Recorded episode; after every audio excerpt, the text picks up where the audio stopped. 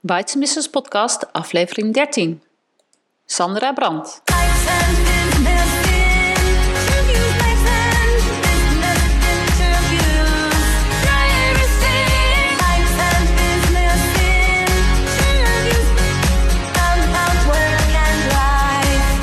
Welkom bij de Bites Business Podcast.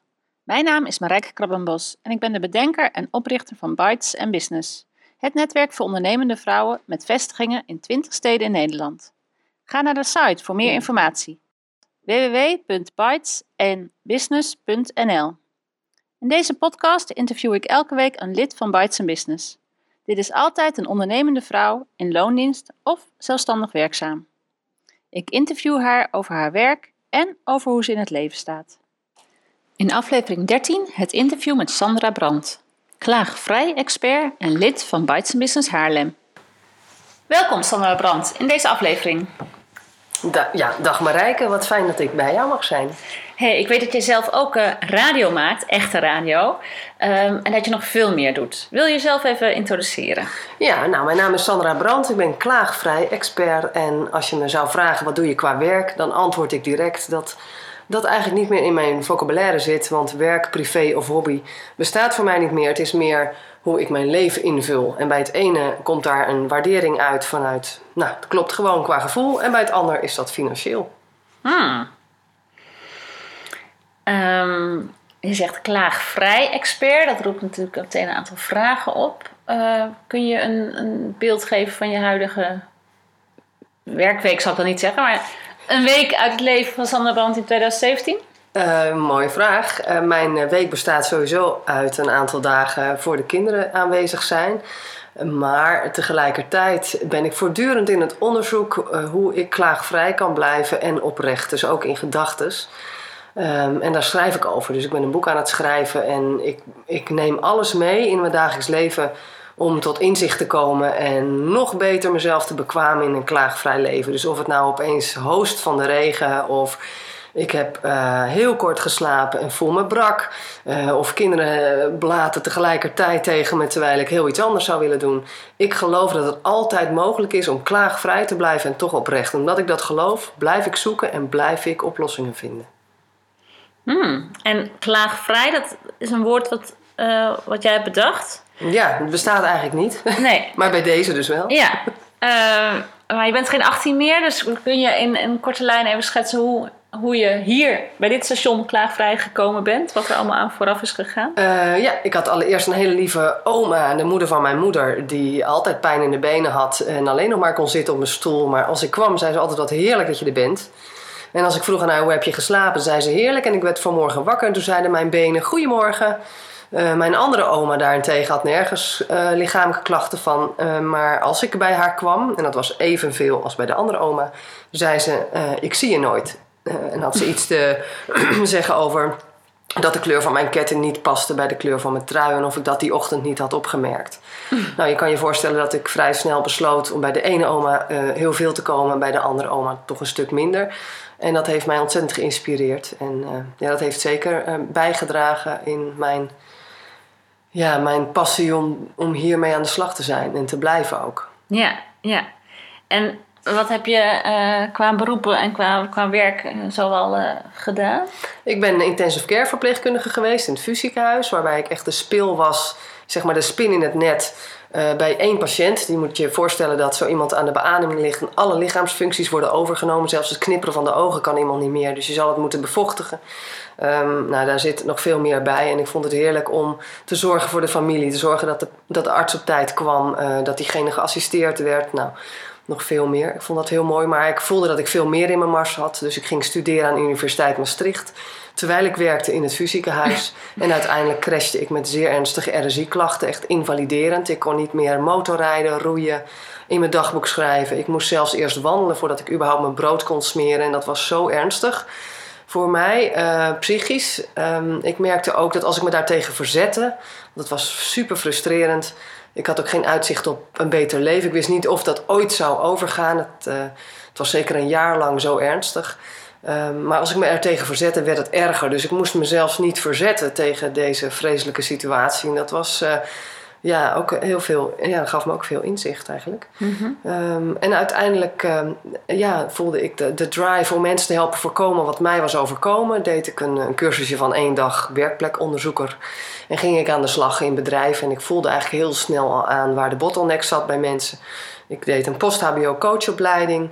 En nog vele dingen meer die toch allemaal ermee te maken hebben. Je zou het niet denken, maar zoals uh, natural horsemanship, dus paardenfluisteren, um, haptonomie, een clownsjaar deed ik ook nog. En dat had allemaal met hetzelfde te maken, namelijk voel wat er werkelijk speelt van binnen en wees congruent naar buiten. Als je dat doet, dan heb je een veel beter bestaan en daar reageert je lijf ook op. Ja, dus je hebt jezelf bekwaamd in allerlei uh, aspecten met als doel anderen te helpen of deed je het echt om jezelf te helpen? Nee, ik had echt een enorme drive om vooral anderen te helpen voorkomen wat mij was overkomen. En uh, vervolgens vond ik het natuurlijk ook ontzettend interessant om mezelf ook nog meer te bekwamen in dat congruent zijn. Want ik merkte dat ik er gelukkiger van werd. En als ik op die manier ook anderen tegemoet trad in gesprek. Dus als ik uh, voelde dat iemand kletste over van alles en nog wat, maar eigenlijk mijn werkelijke vraag aan het omzeilen was. Dat ik dan ook de moed had om dat uh, te zeggen. Ik had bijvoorbeeld een keer een man waar ik vier keer eenzelfde soort vraag aan stelde over hem. En hij antwoordde hem elke keer heel behendig uh, net even buiten mijn vraag. Je zou het bijna niet doorhebben, maar ik had het wel door en het irriteerde mij. En ik heb dat gewoon eerlijk verteld. Van het irriteert me dat mm. je niet werkelijk antwoord geeft. En dat maakt me niet uit als je geen werkelijk contact met mij wil, maar laten we dat dan uitspreken naar elkaar. Want ik wil wel werkelijk contact met jou. Um, dus ik wil je graag vragen: wil jij dat ook? Wil je hè, werkelijk samen verder? Uh, of niet, want dan wil ik nu graag het gesprek beëindigen en ga ik verder met je collega. Dit was een soort coachrelatie? Dit was een coachrelatie in een bedrijf. En um, toen besloot hij wel door te gaan en hij beaamde dat hij inderdaad aan het, uh, zijn kont aan het draaien was. Ja dat hij eigenlijk bang was om weer burn-out te gaan. En toen kwam de hele drek naar boven van zijn vorige werkgever. Die nacht had hij de ergste paniekaanval die hij ooit gehad had. Zijn vrouw was vervolgens ook niet blij met mij. Maar de week erna had ik wel een andere man tegenover mij die wel probeerde door te pakken. En uiteindelijk in het team, ik heb het hele team en de directeur betrokken. Uh, werd het een hele mooie situatie waarin hij hulp probeerde te vragen en durfde te vragen. Waarbij ook anderen durfden aan te kaarten van hé hey joh je bent je weer aan het afsluiten, maar volgens mij kun je het werk zo niet aan en zullen we wat overnemen, wat zullen even sparren. Mhm. En uiteindelijk werd dat het best lopende team van uh, nou ja, al die blokjes die daar waren qua administratiekantoor. Ja, mooi. Hey, en uh, je had vreselijke RSI, zeg je, jaren geleden. Um, je zegt nu dat je een boek aan het schrijven bent. Dus hoe is het nu met die RSI? Ja, weer terug. Dus, um, hij is weg geweest. Hij is weg geweest. Doordat ik echt continu aan het doen was wat goed voelde. En nu ik uh, uh, behoorlijk wat uh, publiciteit heb gekregen rondom de klaagvrije maandag, wat ik ook heel erg graag wilde volgen. Ik kreeg ontzettend veel aandacht via social media en ik wilde alle reacties lezen en daar heb ik het eigenlijk verklooid. En met het boek schrijven en de wensen rondom vanuit de uitgever met bepaalde deadlines heb ik weer ernstige klachten teruggekregen en ik ja, integreer het in mijn eigen klaagvrije beoefening. Ja. ja, want daar kun je natuurlijk heel erg over klagen, maar dat probeer jij niet te nee, doen. ik doe het niet. Dus uh, zodra ik de neiging heb om te klagen, voel ik direct wat is de behoefte eronder. Dat is mijn boodschap verkondigen. Moet ik daarvoor een boek schrijven? Dat is ook nog maar de vraag. Maar eigenlijk is de behoefte om mijn boodschap eigenlijk over te dragen, mensen besmetten met het klaagvrij virus. en, uh, en zoek ik dus naar vormen die daarbij passen. En laat ik ook weer los. Dus ga ik even de afwas doen of wandelen, fietsen. En want tijdens het fietsen kun je ook geweldige inzichten opdoen. Het hoeft niet per se achter die laptop te zijn. En verhalen kunnen ook mondeling, zoals in deze podcast, of op een podium overgebracht absoluut, worden. Absoluut, absoluut, ja. Hmm. Um, nou, uh, aan een klaagvrij iemand te vragen: ben je blij met wat je doet? Ja, absoluut. ik ben heel tevreden met wat ik doe. En ik heb echt het gevoel dat eindelijk uh, alles, alle puzzelstukjes vallen van wat ik ooit geleerd heb in een coachopleiding en allerlei communicatiemodellen die ik me ja, Ehm, die ik heb geleerd, ehm, mijn levenservaring. Ehm, en het is een stukje mindfulness, omdenken, de kracht van het nu. Het gaat het eigenlijk ook allemaal nog weer voorbij. Het is een hele simpele manier om iets heel diepgravends voor elkaar te krijgen. En ik blijf maar inzichten houden. Ik ben vrij snel bored out met, als het gaat om zelfontwikkeling of gesprekken met mensen. Maar ik blijf maar geboeid door dit onderwerp. En kom je ons straks een, een, een handvest geven, een hand tool geven of een model? Of, of uh, wordt het een boek met heel veel tips? Wat, wat gaan we straks van jou krijgen? Ja, dat mag zich nog ontvouwen. Dus en, ik, ik wil niet een dwingend uh, zo moet het stappenplan? Zo moet het stappenplan. Maar ik wil wel beschrijven welke fases ik allemaal heb doorgemaakt. Bijvoorbeeld dat het ook heel belangrijk is dat je jezelf waardeert. Anders kun je gewoon niet verder met klaagvrij leven beoefenen. Uh, want dan heb je ook je eigen behoeften serieus te nemen die eronder liggen. En als je jezelf niet waardeert en dat niet belangrijk vindt, zul je ook geen hulp gaan vragen en blijft klagen over. Dus er zitten heel veel, uh, ja, best wel diepe dingen in. En die zou, ja, ik zou je graag willen triggeren daar. daar. Dus dat is, ik zoek nog een vorm om je, Mhm. om je te triggeren. Dus het is een soort spiegelend boek waarbij de lezer denkt, als het een boek wordt, een spiegel, Ja. denkt van, oh shit, dat geldt voor mij ook. Ja. Hmm, en mij aan tot denken aanzet. Ja, en, dan, en dat- tot handelen. Ja, en dat je mee wil doen. Gewoon mee wil onderzoeken en, en de lol ervan inziet om te kijken wat komt er voor klagen in de plaats. Klaagvrij is echt zoveel waardevoller dan te klagen. Dus een soort movement wil je ook. Ja, eh, ja, movement. Heb je al wellicht. Ja, ja, dat is het. Ja. Ja, als een lopend En vuurtje wanneer is de doorheen. klaagvrije maandag? Nou, ik wil hem in ieder geval weer in januari, net als, als dit jaar, eh, doen. Dus net even na de Blue Monday, hè, de derde maandag in de maand, geloof ik, waarin de meeste depressieve mensen zouden zijn.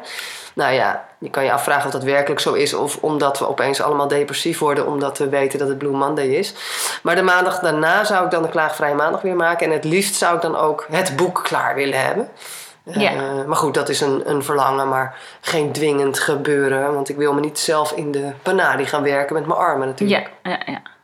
En waarschijnlijk doe ik hem in oktober ook nog eens eventjes een keer. Dus, dus eerder dit jaar al. Maar houd het gewoon even in de gaten op Facebook. En, En ik waar heb een e-cursus, hè. Oh, je hebt een e-cursus. Ja, met de e-cursus kun je al wel een beetje aan het handje meegenomen worden in kleine stapjes. Waarin hele grote gevolgen in positieve zin in jouw persoon zullen plaatsvinden. Die, die feedback krijg ik al terug. Hmm. Ja, dat is al heel boeiend, Oké. waardevol. Aan Ja. het eind van deze podcast hoor je waar je moet zijn. eh, voor de, op Facebook en die e-cursus. Hé, hey, maar je bent nog niet waar je wilt zijn, denk ik. Want je bent eh, midden in een proces. Waar, waar zou je naartoe willen? Nou, dan wil ik je eigenlijk meteen, nou sorry, corrigeren zou ik bijna zeggen. Want ik ben absoluut waar ik zijn wil. Want ik zou het zonde vinden als het allemaal klaar zou zijn nu. Dus het is een proces wat zal blijven bestaan. Want ik hoop dat ik het nooit helemaal zal bereiken, klaagvrij leven. Want het is zo gaaf om er nog niet helemaal te zijn.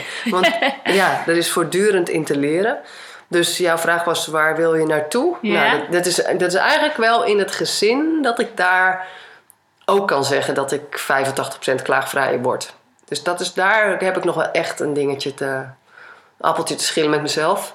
Om, eh, om met mijn kinderen ook eh, grotendeels klaagvrij te worden. Dat zou ik wel echt een enorme ja, vooruitgang vinden als het me daar lukt. En ik zoek nog naar een vorm, een creatieve vorm... waarin ik mensen binnen bedrijven wakker kan kussen. Dus echt in groepen, in teams... Met een, of een presentatie of een theaterachtige vorm. eh, met betrekking eh, tot klaagvrij leven binnen bedrijven. Maar ook eigenlijk gewoon 24-7 natuurlijk. Eh, dat is zeker mijn verlangen om dat dit jaar voor elkaar te gaan krijgen. Ja. Oké. Leuk. En je probeer, probeer je kinderen ook klaagvrij leven bij te brengen? Ja, dat gaat eigenlijk een beetje vanzelf. Dus als mijn dochter bijvoorbeeld klaagt, zeg ik, nou ja, niet klagen, maar vragen, want dan weet ik wat je wil. Dus daar... En langzamerhand begint mij, ze mij ook te corrigeren. Ze is vijf. Eh, want laatst zei mijn zoon, wil je nog een potje stratego met me spelen? Mijn zoon is acht en hij had hem net gekregen voor zijn verjaardag. Ik zeg, nou, gisteren heb ik al verloren van papa en eergisteren van jou.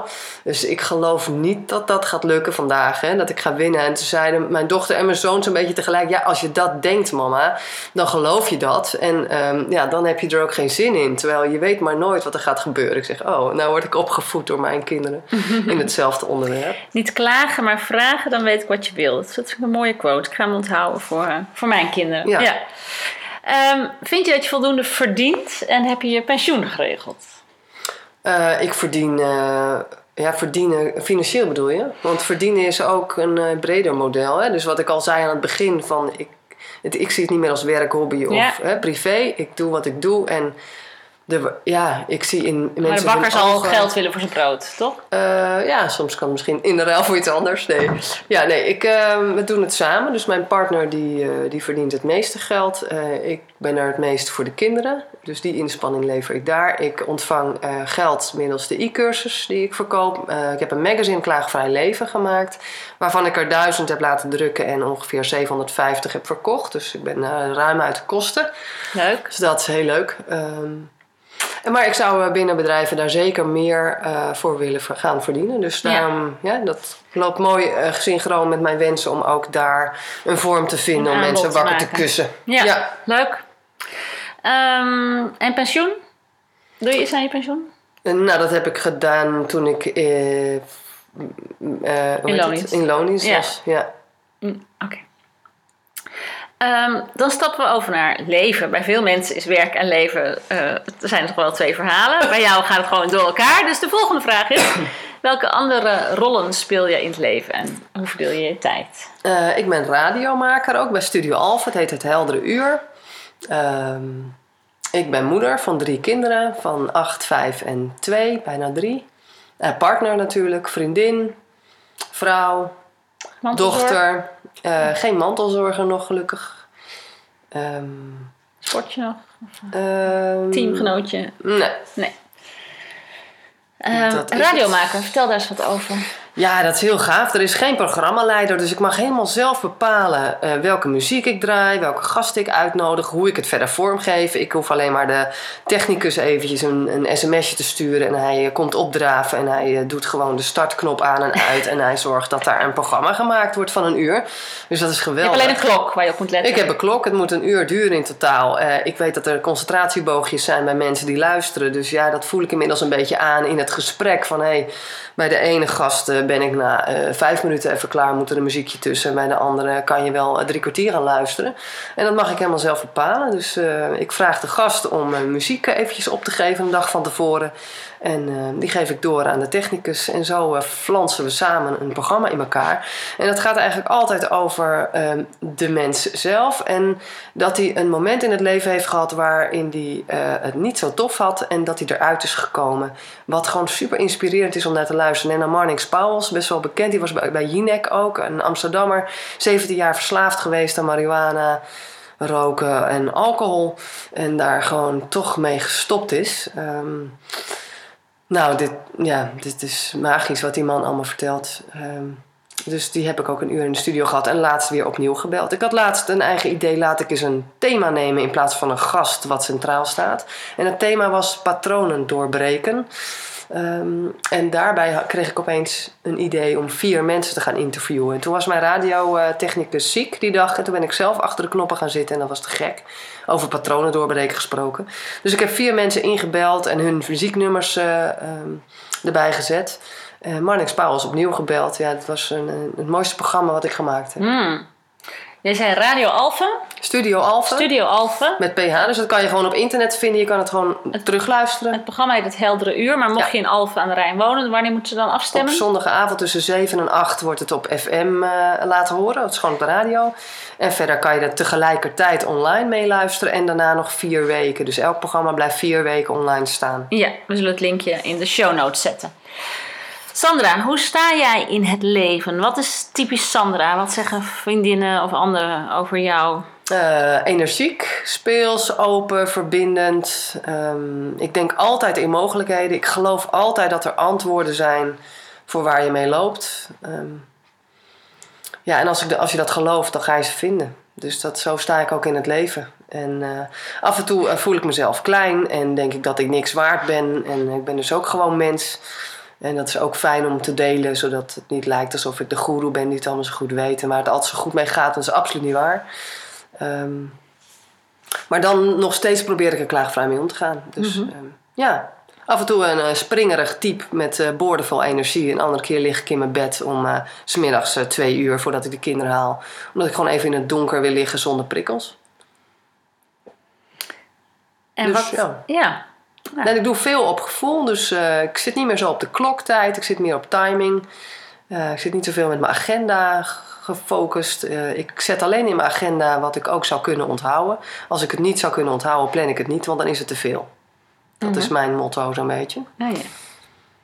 En ja, doe eigenlijk minder, zodat het met meer aandacht kan, is mijn motto verder. Ik doe minder, zodat het met meer aandacht kan. Interessant. En gaat je partner daar goed in mee? Of botst dat regelmatig? Ehm, je zit toch ja. in een gezin met tijden en school en Ja. partner. En... Nou, beide. Dus hij gaat erin mee en het botst regelmatig. Kan dat? Ja, Ja, ja, dat is zo. Eh, en dat gaat dan natuurlijk om het financiële plaatje. En daarna is het weer oké. En gaat het ook over eigen tijd. eh, tijd voor zichzelf. Hè? Dus als, eh, als ik een aantal dagen voor mezelf heb kunnen inroosteren... en dat loopt even scheef met zijn eigen tijd... ja, dan moet daar ook tijd voor ingeruimd worden. En als dat even niet gebeurt, ja, dan... Dan is daar wel even frictie over. Maar er Ja. is, is wat mij betreft ook daarin altijd wel een oplossing te vinden. Maar Ja. als hij daar even niet zo in de oplossingen hoeft te zitten, maar gewoon even zijn- ei kwijt wil, heb ik daar wel eens moeite mee. Als je alleen even wil klagen. ja, ja, dat vind ik nog wel Ja, eens dat is ook lastig. een, een soort van overlevingsstrategie. Dan hoef je niks te doen, alleen maar even elke dag 10 minuten over hetzelfde klagen. Ja, Ja. Hey, je bent volgens mij heel bewust bezig met leren. Je hebt heel veel dingen gedaan. Eh, er zijn vast ook nog wel andere dingen die je wil leren. Maar eh, kun je één of twee lessen met ons delen? Dingen die je, inzichten die je kreeg. Vertel me even de situatie en, en wat het met je deed. Misschien van een goeroe, van een ervaring, van je ouders, Nee. oma. ja, in ieder geval mijn oma, die, dus, eh, met, die altijd zei: Wat fijn dat je er bent. Mhm. Maar ik moet zeggen, ehm, die valt mij nu op omdat ik ook die andere oma had. Hè? Dus ook Ja. omdat die andere kant er was. Ja. Eh, die oma die zei: Goh, ik zie je nooit. Wat ik vervelend vond. Juist omdat dat bestond ook, eh, ehm, kon ik zo die ene oma waarderen. Dus ja. door het donkere zie je ook het licht. Dus het mag er allebei zijn, bedenk ik me nu opeens. Ehm, dus dat is wel, eh, ja, dat is gewoon de eerste die in me opkomt en eh, vooraan staat. Ehm, ja, en het overlijden van mijn vader eh, vier jaar geleden, mm, wat heb ik daarvan geleerd? Ik heb daar heel erg in het moment gestaan. Ik heb echt tegen mezelf gezegd: in deze 24 uur dat hij nog leeft, hij zou met uh, euthanasie om het leven komen. Zo, hoe moet je dat zeggen? Ja, het leven verlaten. Uh, heb ik tegen mezelf eh, gezegd: en nu ga je elk moment in het hier en nu aanwezig zijn. En dat heeft me ontzettend veel geleerd. Dus op het moment dat de angst me naar de strot greep, wist ik ook van: hé, hey, wacht even, ik ben niet in het hier en nu. Want ik denk aan morgen vier uur als, die, uh, als dat infuus wordt aangehangen. Terug naar nu. En omdat ik elk moment in het nu aanwezig was, was ik ook aanwezig in wat ik nodig had. Of wat een ander nodig had. Als ik merkte dat mijn moeder eventjes alleen met hem wou zijn, dan checkte ik dat bij haar. En zei ik, jongens, we even de ruimte verlaten? Want volgens mij uh, wil ma even alleen zijn. En dan klopte dat ook altijd. Dus ik heb helemaal nergens spijt van. Dus ik heb geleerd daarin, als je voortdurend in contact, dus eigenlijk ingecheckt kunt blijven in jezelf. Maar ook in wat er in de omgeving nodig is. Uh, dan heb je dus ook nergens spijt van. En is het gewoon zelfs een hele waardevolle tijd die je gewoon niet had willen missen. Dus dat, uh, ja, tijd is ook een heel relatief uh, begrip dan. Als je zou zeggen, ah, over vijf minuten moeten we al gaan, of er is nog zo weinig tijd. Ja, maar als je elke seconde aanwezig bent, dan is het eigenlijk best wel uh, een hele waardevolle lange tijd. Ben je bewust met woorden bezig? Ja, heel bewust met woorden bezig. Woorden is echt zo. Uh, Taal, taal doet zoveel op ons, niet normaal. dat heb ik echt geleerd om met dat klaagvrij bezig te zijn. Kan ik nu even niet zo gauw, maar het zijn voortdurend voorbeelden. Als je dat net even anders zegt, dat doet het direct totaal iets anders op je. Ja, ja, ja. Nou, dat is jammer dat ik even geen voorbeeld heb. Nou ja, dingen als altijd en, ja. en, nooit en iedereen. Ja, of als je het hebt over, stel je gaat, uh, dat is wel een leuk voorbeeld. Laatst ging ik naar de trein en er kwam er een aan. Voor, voorheen had ik gezegd, oh daar is mijn trein. En ik ging inchecken en tijdens het inchecken hoorde ik een, een, een, een bliepje kijken op het apparaat, uh, uh, saldo te laag.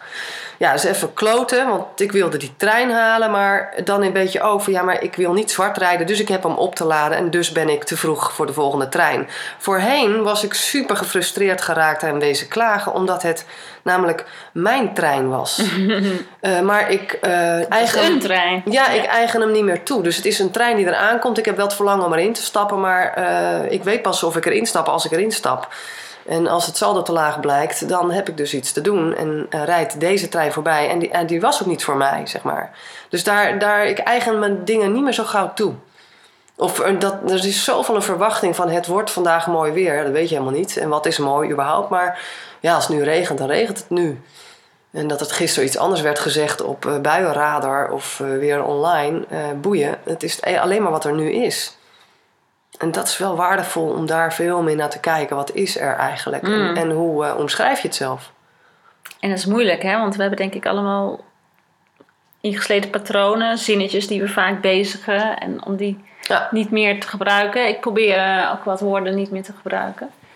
Ehm, maar dat is niet makkelijk. Om, maar knap om daar bewust mee bezig Ja, te en zijn. het is, het, Ja. het- kijk, leren, leren, dat begint eerst met dat je onbewust eh, onbekwaam bent. En daarna word je bewust onbekwaam. En dan ga je uitspraken hebben zoals jij nu zegt dat het moeilijk is. Want je merkt, hé, hey, het lukt nog niet. Maar dat komt omdat je opeens bewust onbekwaam bent. Maar dat zegt ook iets over je verlangen. Hé, het ik wil dat leren. Dus het daar lukt begin je nog al. niet. Ja, precies. Dus daar begin je al met welke tekst ga ik nu bezig. En vind ik het allemaal moeilijk. En of, of hé, hier zit dus een uitdaging. Dit, eh, oh, leuk. Want als het dan eens lukt, juist omdat het moeilijk was, is het extra leuk. ja. Leuk. Leuk. Heb je een motto, Sandra? Je zei er net al één. Ehm, Ja, doe minder zodat het met meer aandacht kan. Ja, wees aanwezig. Ingecheckt bij jezelf en de omgeving. Vind jezelf waardevol. Nou, dat zijn heel wat motto's. Ja, is er geen motto, hè? Wat is een motto Ja, eigenlijk? ja, nee. Toch wel? Eh, er zijn er heel wat. Ja. Kun je één een verhaal erachter eh, vertellen? Van ik, heb inmiddels zoveel ervaring met de dood of mensen die ernstig ziek zijn door mijn intensive care verleden. Mijn broer die een treinongeluk van Hoofddorp in 92 meemaakte. Ehm, eh, ja, je leeft nu hè. En het is zo'n cliché, maar het is waar. We leven maar één keer. En wat wil je er in godesnaam mee? Waar ben je nou mee bezig?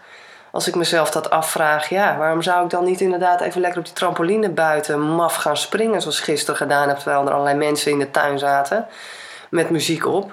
Ja, je leeft maar één keer. Doe gewoon, ga gewoon doen en in plaats van er veel over na te denken. En zodra je het woordje eigenlijk gebruikt, poets hem weg en kijk eens wat er gebeurt. Ik zou eigenlijk eens, hou, hou op met dat eigenlijk, hou op met sorry zeggen en ga gewoon eens kijken wat er dan gebeurt. Doe het even een weekje of zo. er gaat echt iets veranderen wat heel leuk is. Hou op met eigenlijk. En sorry. Hou En- op met sorry. Twee goede lessen. Oké, we gaan eh, naar de afsluiting toe. Ehm, je bent lid van Bites Business. Misschien netwerk je ook eh, elders. Ehm, wat is netwerken voor jou? Ja, ik heb inmiddels een eigen netwerk die ik begeleid. Dat is ook wel weer leuk. Ehm, netwerk is voor mij verbinden en ook vooral niet te veel bezig zijn met dat je ondernemer bent, maar gewoon zijn wie je bent en het leuk vinden om te horen wat een ander ook doet en meteen je radartjes uitzetten. Want onze netwerken met elkaar verbinden, dat is de kracht. Hè? Dus, dus, en onze verbinding één op één, maar ook jouw netwerk en mijn netwerk. Ja, we kunnen onwijs veel voor elkaar betekenen. Dus stel je niet afhankelijk op van, maar zorg dat je iets kunt toevoegen aan elkaar. En uh, Bites Business, dat is al jaren geleden, volgens mij de eerste keer bij jou in de huiskamer dat ik meegemaakt heb. En ik dacht, ja, eigenlijk wel heel gaaf, die vrouwen bij elkaar. Voorheen had ik een beetje allergie voor, maar toen bleek dat ik dat eigenlijk heel erg leuk vond. Dus bij de eerste in Haarlem geweest, nog een tijd daar gebleven. En, en nu uh, zie ik het meer als uh, ja, verbinding van mensen. En zo'n zo'n midweekje weg met de cowork break met Bites Business, ja, dat is echt geweldig. Ja, want we zijn hier met een groep van Bites Business leden op coworking break in België, vlak onder Maastricht. Waar uh, iedereen in een geheel verzorgde villa lekker aan het werken is. Met, en heel veel verbindingen aangaat. Met trampoline. Sparren. Met trampoline in de tuin. En fietsen in de heuvels. Uh, dus daar vindt dit interview plaats. Tot slot, Sandra, waar kunnen mensen meer informatie over jou en jouw klaagvrij movement vinden? Movement, ja. Op uh, sandrabrand.nl, dus uh, lekker makkelijk. Sandra Brand met DT. Uh, daar kun je ook uh, informatie vinden over de e-cursus in mijn winkel. en het magazine eventueel bestellen. Daar heb ik er dus nog 350 van. 250. Oh ja, 250 inderdaad. Ja, god, jij bent snel met rekenen. Um, en daar vind je ook een heleboel leuke filmpjes. Ik was bij RTL Live aan tafel met Jeroen Nieuwenhuizen en Albert Verlinde. BNR Nieuwsradio, Radio 1. Uh, Michiel Belen, Klaagvrije Maandag. Dus er zijn ook echt leuke dingen te vinden in de media over dit thema met mij. En Facebook, zei je? Ja, ik heb, uh, ja, als ik een klaagvrij maandag event aanmaak, dan doe ik dat op Facebook. Ik heb niet een Facebookpagina daarvan, maar dat event, dat, uh, dat waait dan wel weer rond. Die kom je wel weer tegen. Mooi. Dus wil jij ook minder klagen? Uh, of ken je mensen in je omgeving die wel eens minder zouden moeten klagen? Doe ze een tijdschriftscadeau. en wil je zelf minder klagen? Doe de cursus bij Sandra Brand. Sandra, dankjewel. Heel graag gedaan. Dit was aflevering 13 van de Bites Business podcast. Ga naar de site van Bites Business om de aantekeningen bij dit interview te vinden. Heel graag tot de volgende keer. Heel veel dank voor het luisteren. Abonneer je op de podcast zodat je geen aflevering hoeft te missen. En ben je nog geen lid van Bites Business? Kom dan een keer meedoen op een van de netwerkdiners in het land. En kom naar het Bites Business Festival op maandag 12 juni. Kijk voor meer informatie op de site www.bitesenbusiness.nl.